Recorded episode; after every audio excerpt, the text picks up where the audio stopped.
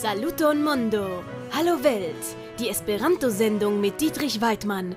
Präsentiert von der Allsprachendienst Esperanto GmbH in Uster. Saluton Mondo! La Esperanto el sendo con Dietrich Weidmann. Presentita de la firmao Allsprachendienst Esperanto, societo con limigita respondezzo en Uster. Saluton cune, grüezi miteinander. Bonvenon ce saluton mondo en canalo Oxes 10. Willkommen bei Hallo Welt auf Kanal 8610. Kiel ciam mi comenzas mian el sendon per la Esperanto curso por germanlingvanoi. Sekvos la oca leziono. Wie immer beginne ich meine Sendung mit dem Esperanto-Kurs für Deutschsprachige. Es folgt die achte Lektion. La scriba in kursdokumenton vi trovas en mia blogo trifoje duoblavo punto informeo punto com. Tie vi ankaŭ trovas ligilon al mia podcasto, kie vi povas reaŭskulti la malnovajn elsendojn kaj lecionojn. Die schriftlichen Kursunterlagen findet ihr wie immer auf meinem Blog unter www.informeo.com. Dort findet ihr auch den Link zu meinem Podcast, wo ihr die früheren Sendungen und Lektionen erneut hören könnt. Lektion 8. Leziono hoc. La quarge amicoi Arlecchino, Colombina, Brigella kai Arlecchina ec iris al excurso. Ili accetis siain biletoin ce la statio domo de Uster kai nun sidas en la traino al Rapperswilo. Die vier Freundinnen und Freunde, Arlecchino, Colombina, Brigella und Arlecchino, sind zu einem Ausflug aufgebrochen. Sie haben am Bahnhof Uster ihre Zugfahrkarten gekauft und sitzen jetzt im Zug nach Rapperswil. Giuni en somero cune partopreno la universalan congresson de Esperanto en Belfasto? Sollen wir im Sommer gemeinsam am Esperanto-Weltkongress in Belfast teilnehmen? Se la pandemio cis tiam finicis, mi nepre volas partopreni. Kai vi Arlecchina kai Brigella? Wenn die Pandemie bis dann vorbei ist, werde ich unbedingt teilnehmen wollen. Und ihr Arlecchino und Brigella? E yes, nepre, se tiam ni devas trovi ferieion por la hundo. Ja, unbedingt. Aber dann müssen wir einen Ferienplatz für den Hund finden. Felice hodiaŭ la doktoro atendas pri la hundo. Zum Glück passt heute Doktore auf den Hund auf. Yes, por unu tago la doktoro ciam pretas, sed por du semajnojn tio ne eblas. Sed la besto hejmo strubeli estas bona loko? Ja, für einen Tag ist der Doktor immer bereit, aber für zwei Wochen ist das nicht möglich. Aber das Tierheim Strubeli ist ein guter Ort. Oh, do mi telefonos al strubeli morgaŭ. Kaj se ili havas liberan pacon por nia hundo en julio, ni aliĝos al la kongreso. Ĉu vi ĉiuj konsentas? Also ich werde dem Strubeli morgen anrufen und wenn Sie einen freien Platz für unseren Hund haben, dann werden wir uns für den Kongress anmelden. Seid ihr alle einverstanden? Yes, mi consentas. Kai kiel ni iros alla congresso? Ja, ich bin einverstanden. Und wie werden wir zum Kongress gehen? Mi volas iri per traino kaj ŝipo, ĉar oni devas eviti la avidilon por protekti la medion. Ich will mit dem Zug und dem Schiff gehen, da man das Flugzeug vermeiden muss, um die Umwelt zu schützen. Ah, se ni iras per traino, ni povas fari halton en Pariso kaj en Londono. Wenn wir mit dem Zug gehen, werden wir einen Halt in Paris und in London machen können. Oh, ni jam estas en Jona. La venonta haltejo estas Rapperswilo. Tie ni devas preni la trainon al Uznach. Wir sind schon in Jona. Die nächste Haltestelle ist Rapperswil. Dort müssen wir den Zug nach Uznach nehmen. E la traino estas la Antaualpa Expresso al directo de Sankt Galo. Der Zug ist der Voralpenexpress in Richtung St. Gallen. Ĉu ni en Uznach denove devos ŝanĝi la trainon? Werden wir in Uznach umsteigen müssen? Yes, ni devos preni en Uznach trainon al Ziegelbrücke, kaj tiam en Ziegelbrücke la postautobuson, ĝis al la ŝiphaltejo en Wesen. Ja, wir werden in Uznach den Zug nach Ziegelbrücke nehmen müssen und dann in Ziegelbrücke den Postautobus bis zur Schiffhaltestelle in Wesen. Ni jam alvenis en Rapperswilo. Ni rapidu, ni havas nur du minutojn. Wir sind schon in Rapperswil angekommen. Beeilen wir uns, wir haben nur zwei Minuten. La Antaualpa Expresso haltas rekte vivalvide. Ni ne bezonas iri tra la subpasejo. Do ne estas problemo. Der Voralpenexpress hält genau gegenüber. Wir müssen nicht durch die Unterführung gehen. Es ist also kein Problem. Arlecchino, ne forgesu la dorso saccon. Arlecchino, vergiss den Rucksack nicht. Ne timu, la manĝo estas en do li certe ne forgesos ĝin. Hab keine Angst, das Essen ist darin.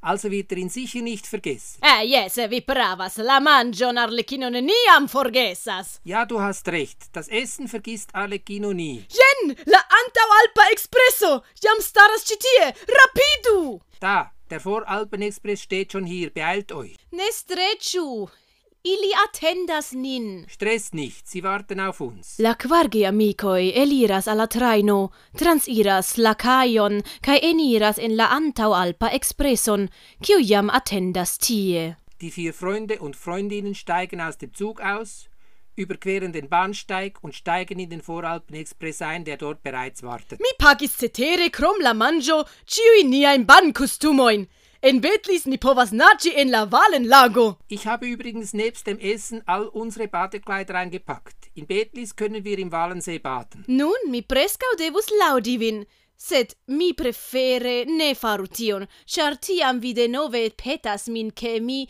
edzinigiu con vi. Nun müsste ich dich schon fast loben, aber ich mache das lieber nicht, denn dann bittest du mich wieder, dass ich dich heirate. Mi jam comprenas che vi volas edzinici kun Arlecchina, che Arlecchina tamen volas edzinici kun mi, kai Brigella volas edzinici kun ni ciui. Ich verstehe schon, dass du Arlecchina heiraten willst.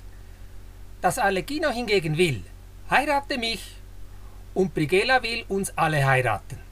Ni do devus geedziĝi ĉiuj kvar, sed Svislando besonis cen sepdek du jaroj por permesi edziĝo al la samsekaj paroi. Do certe ci bezonos alian cent jaroin por permesi grupan edziĝon. E sed eh, ni ja vivas ciui cune e nia locio comunumo. Doni povas fargifi pri geezicio. Wir müssten alle vier heiraten. Aber die Schweiz brauchte 172 Jahre, um gleichgeschlechtlichen Paaren die Heirat zu erlauben. Also wird sie sicher weitere 100 Jahre brauchen, um Gruppen die Ehe zu erlauben. Aber wir leben ja alle zusammen in einer Wohngemeinschaft, also können wir auf die Heirat pfeifen. Tiel babilante la quarge amicoi fine alvenas ce la de Wesen, kie ili prenas la shipon. Sich so unterhaltend kommen die vier Freunde und Freundinnen am Schiffsteg in Wesen an, wo sie das Schiff nehmen. Es folgen einige Erläuterungen zur Grammatik. Zur Erinnerung, die Endung O bezeichnet im Esperanto die Nomen, Hauptwörter oder Substantive. Mit A werden Adjektive bezeichnet, mit E Adverbien und Verben mit diversen Verbalendungen. I steht für den Infinitiv, As für die Personalform der Gegenwart, Is für die Personalform der Vergangenheit, Os für die Personalform der Zukunft, U für die Personalform des Imperativs, Befehlsform und Us für die Personalform der Bedingungsform. Die Endung J bezeichnet die Mehrzahlform und die Endung N das direkte Objekt und die Richtung mit anderen Worten den Akkusativ. Beispiele E la scribo. heißt die Schrift, Scriba documento. heißt schriftliches Dokument, Scribe informi vin. heißt die schriftlich informieren, Mi scribas scribain documentoin. heißt ich schreibe schriftliche Dokumente, Ili scribis letteron. heißt sie schrieben einen Brief, Ili scribos, ciam ili alvenis. heißt sie werden schreiben, wenn sie angekommen sind, Scribu al mi letteron. heißt schreib mir einen Brief, Mi scribus al vi, se mi tion scius. heißt ich würde dir das schreiben, wenn ich das wüsste. Die Präpositionen lassen sich im Esperanto genau wie im Deutschen vielseitig als Vorsilben verwenden. Etwa Eliri. für hinausgehen oder Enveni. für hereinkommen oder Transiri. für überqueren und so weiter. Damit sind wir wieder am Ende der heutigen Lektion angelangt. Das Kursmaterial findet ihr auf meinem Blog www.informeo.com und ihr könnt es euch von dort als PDF herunterladen und ausdrucken. Dort findet ihr auch den Link zu meinem Podcast, wo ihr euch die Lektion und auch die früheren Sendungen nochmals anhören könnt. Jen atingis la finon de nia hodiaŭa leciono. La kursmaterialon vi trovas en mia blogo trifoje duoblavo punkto informeo.com de kie vi povas elŝuti ĝin kiel potofo kaj elprinti. Vi tie ankaŭ trovas la ligilon al mia podcasto, kie eblas reaŭskulti la lezionon kai anca la malnovajn elsendojn. Saluton! Mi parolas al vi hodiau en nia Esperanto-kulturprogramo pri la situazio kai estonto de la reto romanĉaj en Svislando. Ocase de la censo De 1990 ancora 66.346 homoi indicis la romancian lingvon kiel regule parolatan kai el ili 39.000 homoi kiel cef lingvon. Cis la iaro 2000 tiu ci cifero malalticis al proximume 60.000 el kiu ancora proximume 36.000 indicis la romancian kiel cef lingvon. Ecte la iaro 2000 ne plu ocasis completa censo de la parolantaro de la romancia lingua in Svislando, sed estas vere che la malcresco tum la lasta de quin iaro iomete malrapidicis, mal tranquillige tamen estas la nebremsita malcresco de la romancia che il familia lingua ec in la kerna areo de la lingua regiono. Che aspectos la estonto de la quara svisa nazia lingua? Historio cae classifico. La reto romancia estas subtavolo de la latina lingvo alportita de romiae enmigrintoi el raetio, quiu forpelis la malnovan reatan lingvon de celta pralo chantaro, pri quiu ni tre malmulte scias. Diversae linguistoi opinias che in la frua mese poco la regiono inter Friulo cae la hodiava cantono Ticino formis coheran reto latinan quel mi en Esperanto diras por eviti confuson cun la reto romancia, respektive romancia lingvo de Svislando, quiu poste pro la disvasticio de alemanai cae bavaroi el nordo cae la lombardoi el sudo estis distrancita cae dispecigita en tri res territorioin. Contrauloi de tiu hipoteso pretendas che al tiui tri lingvo gruppoi mancas la historia comunezzo kaj ke temas pri tri sendependaj latinidaj lingvoinsuloj kaj fascistoj kaj aliaj naciismaj ideologoi malagnoskis et dum longa tempo la linguan apartecon de la latina kaj furlana lingvoj kai pretendis por pravigi fascisma fascismajn ideologiaĵojn ke temas nur pri veneziae kai lobardai dialectoi de la Itala. Nur en la jaro 1999 la latina kaj la furlana lingvoj en Italio surbaze de la leĝo kvar oktu akiris oficialan rekonon kiel minoritataj lingvoj. Iom alie disvolviĝis la historio de la reto-romanĉa en Svislando. Ankoraŭ en 1860 la reto romancia estis la ĉeflingvo en cantono Grisono kaj formis coheran lingvo territorion. Ecte tiam la romancia lingvo regiono tamen pli cae pli trovici sub la premo de la germana en nordo cae anca de la itala en sudo, cae ciam pli de la iam romanc-lingvae comunumoi perdis sian romancian plimulton. Ocase de la lasta censo en Grisono existis nur ancora sestec ses romanc-lingvae comununoi, cae nur du el la dec plei popolricae comunumoi nome dissentis cae scolta rasp, ancora appartenis alla romancia lingo territorio. La romancia lingvaro en Svislando grupicas en quin cef idiomoi, ciui ciui posedas propran scribon cae literaturan lingon, cae sia vice subdividicias en plurain subdialectoin. La quin cef idiomoi estas la sur silvana, parolata en la antaua reinvalo cae ties flankvaloi, La sud Silvano paralata en la mal antava Reinvalo kai la montarae comunumoi de Domlesco kai Heinzenvalo en shamso kai Valo Ferraro.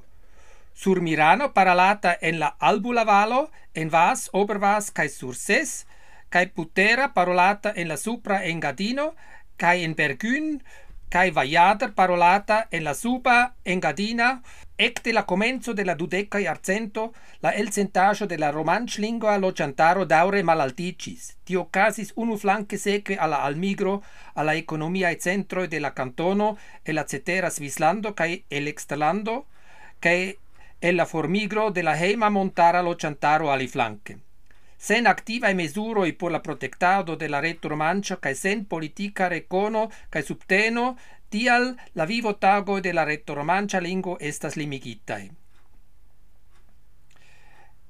En 1930 ocasis Svisa Federazia Voctono. Longan tempon oni consideris la romancian lingon kiel malvaloran slangon de la grisona campara lociantaro. Tio shanchicis en la 1930 jaroi, kiam la italae fascistoi, qui consideris la reto romancia nur kiel lombardan dialecton, laute postulis la aligon de ciui tiui italae parol pralandoi alla grandi italo patrinlando en Svislando maturicis contraue la conscio defendi la romancian lingon cae culturon. La dudecan de februaro 1938 estis per la plei clara valot resulto en la svissa historio cum plimulto de naudec du el centoi la retto romancia reconita oficiale il quara nazia lingvo. Tiu ci recono de la romancia fare de la svissa popolo provocis tiam effektivan entusiasmon por la romanĉlingva lingvo kaj kulturo kaj eĉ se tiu elano post la dua mondmilito iom malfortiĝis tio tamen pretigis la vojon por multnombraj subtenmezuroj la certe plej grava mezuro estis la creo de radio ca televido programoi en la retromanĉa lingvo ca la enkonduko de la reto retromanĉa kiel instrulingvo en la baza lernejo de la retromanĉaj lingvoj komunumoj. Caraj geauscultantoi, ni citie bedaurinde jam alvenis alla fino de nia sendo tempo. Mian rapporton pri la reto romancia lingvo mi daurigos en du semainoi, e nia venonta el sendo. Dankon che vi auscultis nin en canalo Oxes 1.0.